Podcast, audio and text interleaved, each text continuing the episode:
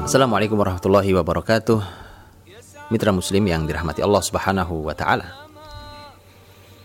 Mari kita dalami lebih dalam lagi agar kita lebih bersemangat lagi belajar sejarah dan agar kita tahu bagaimana cara belajar sejarah yang menyenangkan dan belajar sejarah yang penuh dengan ibroh bagi kita dan keluarga kita, masyarakat ini serta negeri ini. Dengarkan saya bertutur satu kisah dan rasakan betapa dahsyatnya sebuah kisah masuk dalam relung jiwa kita. Dia bergerak, berfungsi, bekerja pada diri kita. Di dalam kitab Syiar Alamin Nubala, Imam Ad-Dhahabi sang penulisnya menyampaikan kisah pertemuan empat orang anak muda. Yang satu adalah putra Umar bin Khattab yaitu Abdullah bin Umar radhiyallahu anhuma. Adapun yang tiga sisanya adalah putra-putra sahabat mulia Zubair ibn Awam radhiyallahu anhu. Yang pertama adalah Abdullah bin Zubair, yang kedua adalah Urwah bin Zubair, dan yang ketiga adalah Mus'ab bin Zubair. Keempat anak muda ini berkumpul di Hijr Ismail. Kita tahu Hijr Ismail adalah setengah lingkaran yang ada di Ka'bah yang hari ini kita lihat. Mereka berkumpul di dalam Hijr Ismail. Kemudian mereka duduk bersama, membuka sebuah majelis yang sangat unik. Karena mereka membuka dengan kalimat mereka tamannau. Tamannau artinya berharaplah. Mari kita jadikan majelis ini, pertemuan ini sebagai pertemuan berharap. Temuan pertemuan bercita-cita, majelis cita-cita. Maka kemudian dimulailah majelis itu oleh kalimatnya Abdullah bin Zubair radhiyallahu anhu. Abdullah bin Zubair sederhana, dia mengatakan, "Uridul khilafah." Saya ingin kekhilafahan. Masya Allah, anak muda berpikir bahwa dia ingin mendapatkan kekhilafahan, dia ingin jadi khalifahnya. Cita-cita. Kemudian disusul berikutnya oleh Urwah bin Zubair. Urwah bin Zubair berkata, uridu an yu'khadh anni al-ilm. Saya ingin menjadi tempat masyarakat ini mengambil ilmu. Jadi ulama, jadi ilmuwan besar. Ini keinginan Urwah. Disusul berikutnya oleh Mus'ab bin Zubair.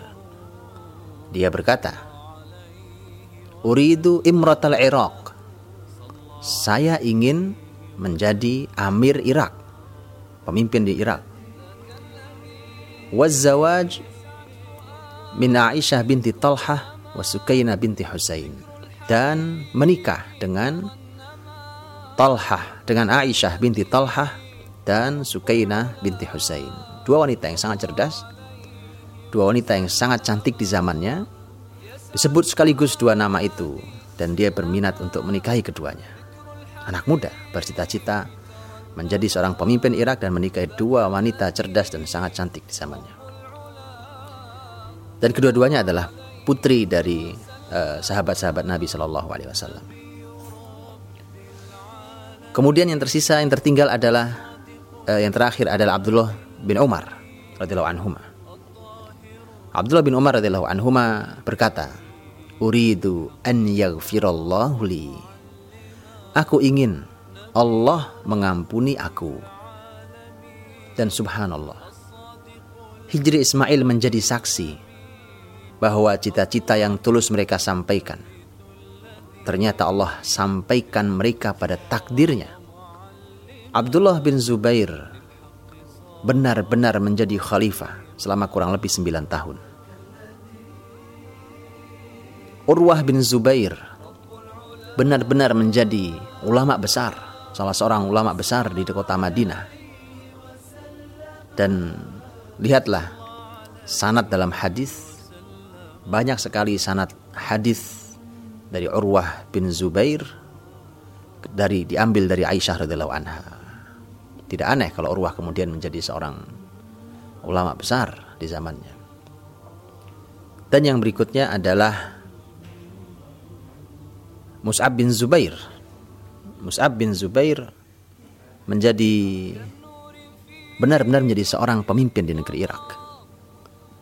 Dan benar-benar bisa menikahi dua wanita yang disebut dalam di dalam sejarah uh, beliau dua wanita yang cerdas dan cantik itu yang tidak bisa kita lihat adalah ketika Allah Subhanahu wa taala menyampaikan Allah SWT yang memiliki rahasia apakah Allah mengampuni dosa-dosa Abdullah bin Umar tetapi Imam Az-Zahabi rahimahullah mengatakan dan Allah Allah akan mengampuni dosa-dosa Abdullah bin Umar radhiyallahu anhu sebagaimana yang dia inginkan di dalam majelis itu. Ini satu kisah. Apa rasanya begitu kisah ini kita bacakan? Bukankah di sana sudah sangat banyak pelajaran mahal? Umpamanya pelajaran jangan pernah khawatir untuk bercita-cita. Cita, bercita-cita itu boleh. Semua orang.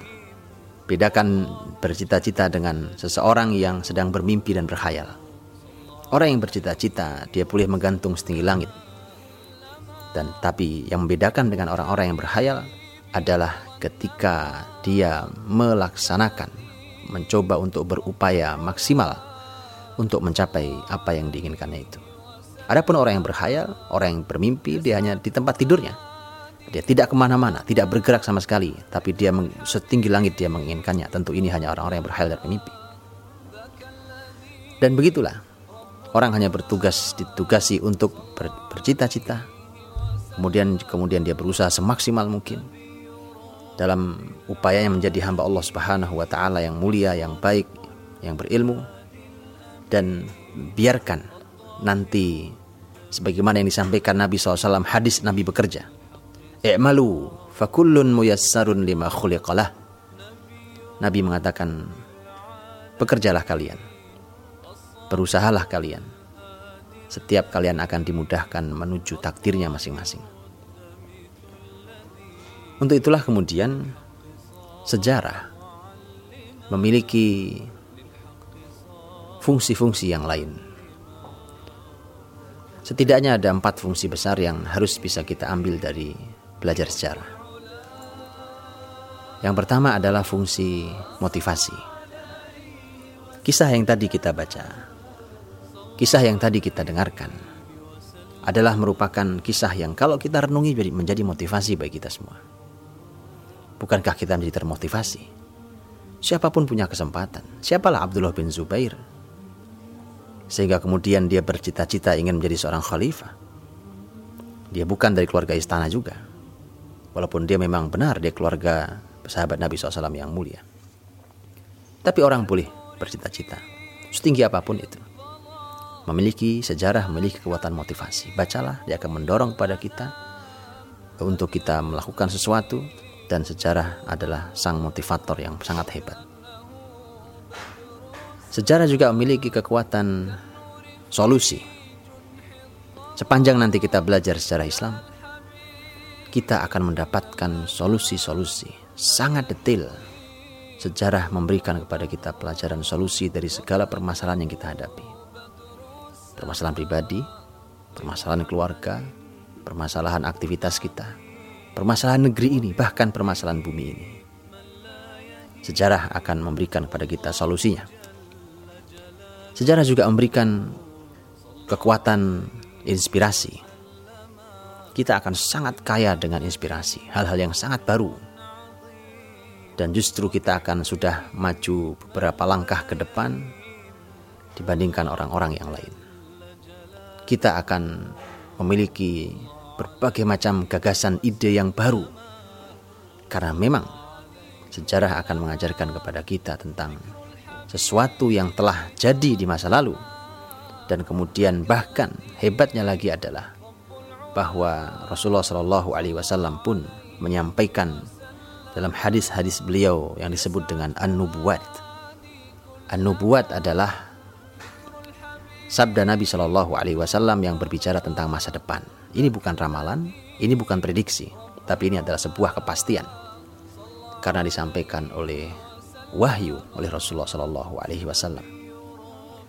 Dan ke yang keempat adalah kekuatan sejarah adalah kekuatan prediksi. Kita bisa memprediksi itu.